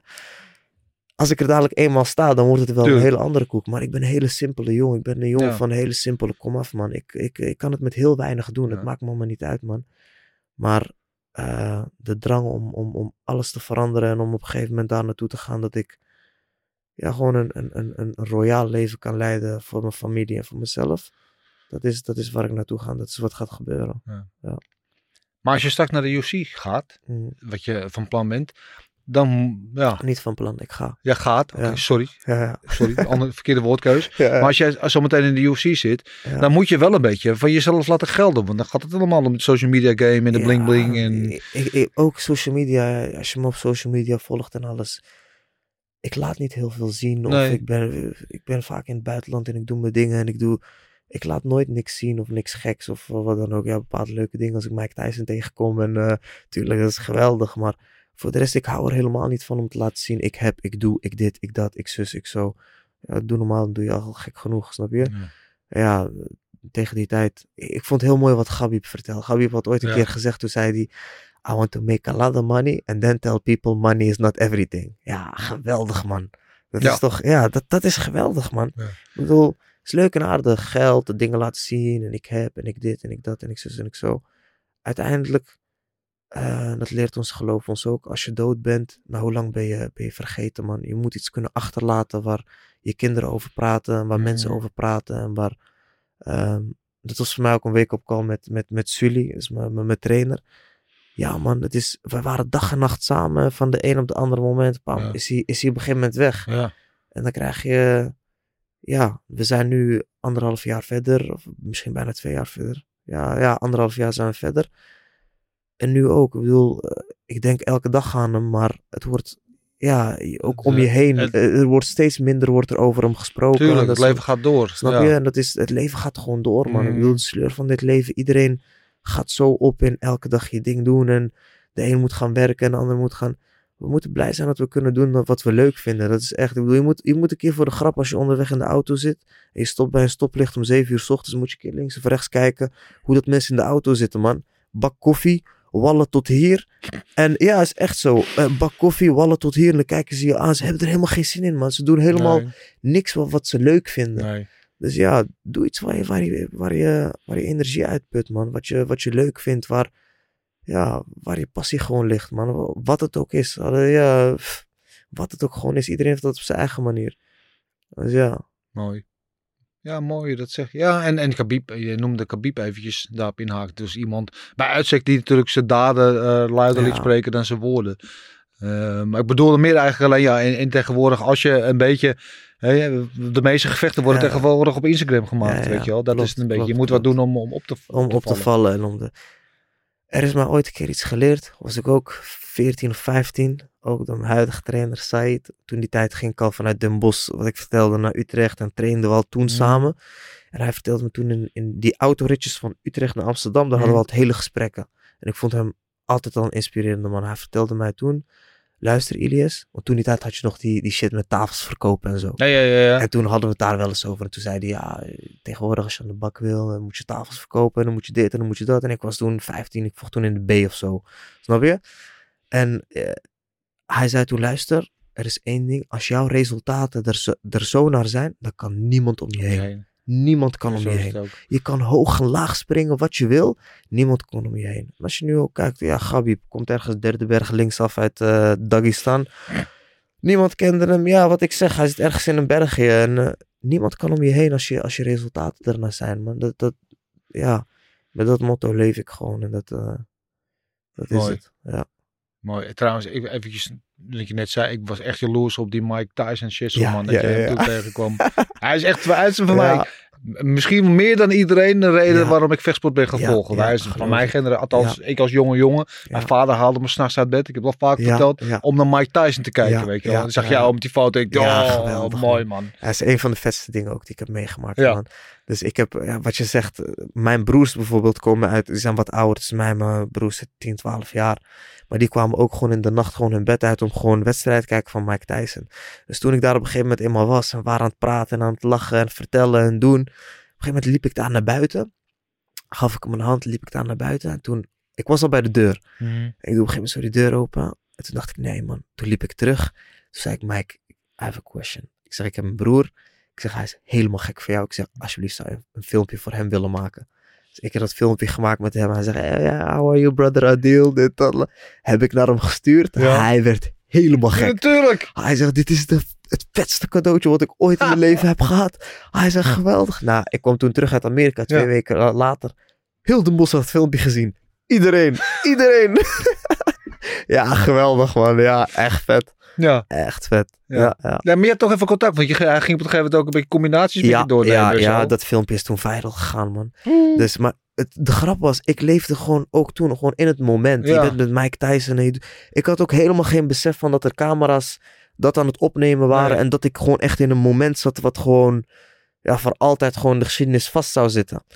En eh, op een gegeven moment, ik was me vragen aan het stellen, maar ik, ik vind het leuk. Dus eh, we zaten, we waren over wedstrijden aan het praten. Ik liet een wedstrijden van mij zien. Toen hadden we het erover. Zei hij, luister eens, dit kan je doen, dat kan je doen. Hij zegt, je ziet gewoon, je vecht heel slim en dit. En toen vroeg ik hem ook dingen van, eh, hoe stap jij uit? Waar zet jij je hoofd? Waar kijk jij naar? Wat doe je? Toen zei hij op een gegeven moment, hey, sta op, let's go, kom. Dus we gaan zo staan. En ik zat echt in dat moment. Ik had helemaal niet door van, alles wordt gefilmd. En Nee, nee, nee. en hij laat dat zien. En ja, geweldig man. Op een gegeven moment, die volgende dag, nou, je hebt tijdverschil natuurlijk. Die volgende dag, ik word wakker. En eh, ik was toen met Otman Azaitar. Mhm. En eh, we zaten toen in Amerika. Hij komt op een gegeven moment mijn kamer bonken. Pop, pop. Hij doet de deur open. Hij zegt, hey brother, look at this. Dus ik kijk zo, ik zie TMZ, ik zie ESPN, ik zie ja, ja. overal zie ik mijn hoofd voorbij komen. Ik denk, hey, what the fuck, wat is dit man? Gruwelijk. Ja, 53-year-old eh, Mike Tyson, ja. Ja. Dadelijk over een paar jaar, als ik er eenmaal sta in de UFC en ik ben de shit, dan ga ik dit naar boven brengen. Dan zeg ik, hé, hey, weet je nog? Ja. Toen die tijd? Toen was ik nog niemand. Ik zeg, ik was dat toen. Toen, toen was ik al hier. Maar ehm, wat heb je van hem opgestoken van, van dat moment? Wat heb je, is je bijgebleven? Of heb je er überhaupt iets van opgestoken? Ja, wat ik zeg, het was het moment, man. Je Ja. zit daar überhaupt met Mike Tyson. Natuurlijk, je, je luistert naar wat hij zegt. En ik, ik stelde hem vragen over hoe dat hij uitstapt en hoe dat hij, zeg maar, zijn angles verandert. Mhm. En eigenlijk die kracht ook genereert in zijn stoten. Ja. Want dat was, dat was vooral. Dus hij liet dat. Dus dat heb ik er zeker van opgestoken. Nou, hoe dat hij ernaar kijkt en alles. Maar het was meer het moment. Maar je zit daar met fucking Mike Tyson, die gewoon, ja, de grootste bokser ter wereld oh, ja, ooit is. Maar Voor mij maar, wel, Ja, voor mij ook. Ik bedoel, eh, ik vind Muhammad Ali gruwelijk. Maar voor mij staat Mike Tyson zelfs daarboven, man. Dat is echt... eh, en dan zit je daar en dan ah, hoe dat hij was en hoe dat hij praat en hoe dat hij deed. En hij lacht met me en hij zegt, hey, eh, eh, ah, want hij rookt joints natuurlijk. Ja, ja, hè. ja, ja. CBD is helemaal de shit. in Ja, hij heeft koffieshop in Amsterdam, hoorde ik. Maar ja, roken, dat is, dat is... Zij zegt tegen mij, zegt, you're from Amsterdam, eh, let's smoke. Ja. Ik zeg, "Hey, Mike, I don't smoke. If I would ever take a joint, I would do it with you. But I'm sorry. Hij zegt, you're from Amsterdam and do you don't smoke? Nou, eh, ik ga helemaal stuk. daar. Dat is toch geweldig, man. Maar dan zit je daar met fucking icoon. En hij, hoe, hoe, hoe down to earth hij was. En hij lacht en hij doet zijn dingetje. Ja, geweldig, man. Dat is echt, eh, echt vet. Mooi, Ja. mooi. Weet, weet, weet veel mensen, ik heb dat, jij zegt Mike Tyson jou de grootste, voor mij ook. Hè. En ik vind Mike Tyson, kijk, ehm Mohammed Ali was een groter icoon. Ja. Vanwege wat hij ook buiten de, Ja, buiten de ja, ring deed. hij heeft meer betekend wat dat Ja. betreft. Maar als bokser, puur bokstechnisch, Ja, Mike Tyson ja, ja, beter. Mike maar mensen denken, en wordt Ja. altijd boos om al discussies mee. Ja, Ja. Mike Tyson kon hard slaan. Nee, nee, nee, Nee, echt niet. Echt Mike niet, nee, nee, Tyson, nee. want hij was klein voor een zwaargewicht. Ja, ja. En, maar hij was Ja. gewoon technisch zo goed. Weet je, hoe hij zich invocht en hoe hij... De power die hij ook haalde gewoon uit zijn armen, uit zijn heupen, uit zijn... Ja, niet normaal, man. Ja. Dat is, dat is van nature gewoon. Ja. Ja, van nature. Van nature. Ja, hij was gewoon natuurtalent. Maar hij is ook een soort van boksprofessor. Ja, Want de man heeft zoveel kennis ja, ja, ja, van boksen. echt ja, is ongelooflijk. hè? Die man, van die man wat alles van kampioen tot voor 100%. 1900 bij wijze van spreken. Maar dat is als je echt fan bent van een sport. En, en, en je gaat er helemaal in op. Dan volg je alles en bekijk je alles. En ik heb bij mij, wat ik de afgelopen, ja, mijn hele leven al heb gedaan. Maar vooral de afgelopen jaren dat ik in het MMA zit. Ik kijk zoveel Ja. beelden man. Is niet normaal. Ja. Ik kijk zoveel beelden. En je kan ook niet elke nacht opstaan voor, voor een UFC-evenement. Maar in de ochtend als ik wakker word, het eerste wat ik doe, is ik kijk Kijk, terug. ja. Ik kijk terug naar wat ik echt terug wil kijken. En als ik een featherweight wedstrijd ertussen zie, dan ook al ken ik ze niet, tik ik hem aan. Ik wil het gewoon zien. Kijken hoe het niveau is, kijken wie wat is, kijken wie wat doet. En eh, je leert daar ook een heleboel van. En ik ben best wel, ik ga best wel ver in dat soort dingen. Dus als Mhm. ik iets zie, ik screen het of ik maak er een veel opname van. Ik stuur het naar Dwayne. Hé, hey, luister eens, heb je dit en dit gezien? Of hey, check dat en dat en dat. Hm. Wat is daar gebeurd, man? Wat doet hij daar? En ja, het is, ja als, je, als je gewoon zo ingaat of zo opgaat in waar hij van houdt, dan ja, is dit wat je krijgt, man. Ja. Als jij naar de UFC gaat, hè, want de enige Nederland die we op hebben, eh Charmaine eventjes buiten op schouw Ja. gehad, de enige Nederland die we op dit moment in de UFC hebben, Ja. zit ook in de Ja, featherweight divisie, ja, hè, ja, Jarno? Klopt, ja, Jarno heb ik mee getraind een paar keer ook. Heb je met hem getraind? Ja, een paar keer is hij eh, bij ons in Utrecht geweest. We hebben samen getraind, we hebben gespart, we hebben, eh, we hebben niet gegrappeld. Nee, we hebben niet gegrappeld. Nee, nee, Nee. Maar we hebben wel gewoon MMA gespart, we hebben gekickboxd. Hele goede gast. Ja. Dus ik gun hem ook het beste, man. Ja, de kans is heel klein dat we elkaar tegenkomen, man. Ja. Ik bedoel, eh, Ja. Ja. goed. Dat wil ik niet, hè? Ik eh, jullie zijn Nee, allebei mijn matties. Ja, en, ja, ja, nee, ik gun, ik gun hem, ik gun hem vertegenwoordiging het beste. We hebben, daar, we hebben ook contact gewoon eh, eigenlijk maandelijks wel gewoon over vechten en over trainen. Wanneer we weer een keer samen gaan trainen en dat soort dingen. Hele goede gast, man. Dus, Oké. ja. Ja. Alleen als jullie om de titel mogen eh, vechten Ja, ja, tegen elkaar, dan ja, dan- maar eerder Nee, niet. ja, los van dat, hij vecht onder een Nederlandse vlag. Ik kom van mijn eigen roots uit, Mar- Marokkaanse vlag. Dus ja, het, ja, ja. Mooi. Maar ja, er komen, ik, ik geloof dat er nu en eh, de aankomende twee jaar zeker nog twee, drie UFC-vechters uit Nederland gaan komen. Ja, Ja, ja, ja, ja, het kan 100%. zomaar. Ja. Heb weet je al mensen dat je nu denkt van die of die kan het alles gaan halen? Of? Eh, ja, eh, ik denk dat binnen nu een eh, twee jaar sowieso ik daar sta. Yusri zie ik daar ook staan. Zo'n Daan Duis zie ik er ook staan. Ehm, wie nog meer? Agi. Agi Sardari zie ik er ook wel staan.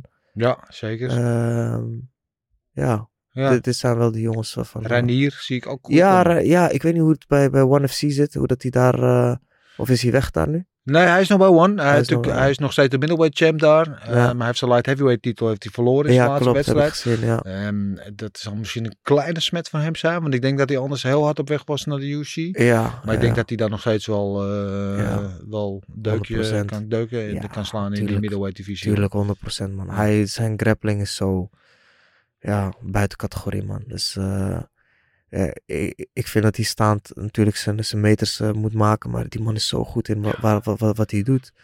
dat, ja, hij heeft, hij heeft het tot zover geschopt met wat hij doet. Laat staan Mm. als hij nog daarin gaat eh, verbeteren. Ja, Dus ja, ik vind hem, ik vind hem echt gruwelijk. Ja. mooi. Binnen nu en hoe lang zien we jou in de UFC? Ik ben nu een eind dit jaar. Binnen nu en eind dit jaar? Ja. Oké. Dat is waar ik naartoe wil. Ja, dat is waar ik naartoe wil. Ja, ja. Ik ben nu een eind dit jaar. Mooi. Doe ik het voor. Ja, 100 procent. Ja, man. Ik vond het mooi om weer te hebben. En Ja. ik ben blij dat je bent gekomen. ja, want je zei eh, van, we hebben misschien niks om over te praten. Maar eh, we hebben altijd Nee, wat wij, om wij hebben altijd al- oh, iets om over te praten. Daarom. Echt, wij hebben altijd iets om over te Daarom, praten. daarom. Wij gaan Dus- way back ook, eh, Dennis. Ja man, Dus ja, leuk man. Mooi. Leuk. Dankjewel voor je komst man. Ehm, ik mag je tot slot, mag ik je namens onze sponsor een flesje eh, Special Gold CBN olie aanbieden. Eh, CBN? CBN, ja. Oké, wat is dat dan? Het is CBD-olie, maar ook met, eh, met CBN erin. Dus het, het is eh 25% full ex- extract. Full spectrum, moet ik zeggen. Ja, ja, ik gebruik het zelf ook, man. Ja, het is goed. ja, je weet zelf, herstel na training Ja. voor beter slapen. Het is echt het is topvol. Dus ja, ja. ja. Dankjewel. bij deze, Thanks. alsjeblieft. Dankjewel. Ehm, ja, top. En we gaan je volgen mei, juni Dankjewel. en einde jaar. Jazeker. Je hoort het hier eerst. Uh, houd in de gaten. Vergeet niet te liken, te delen en te abonneren. En bedankt nogmaals aan eh, Ilias. Bedankt aan onze Ja, sponsor. bedankt, en dan eh, tot de volgende. Oes! Oesa.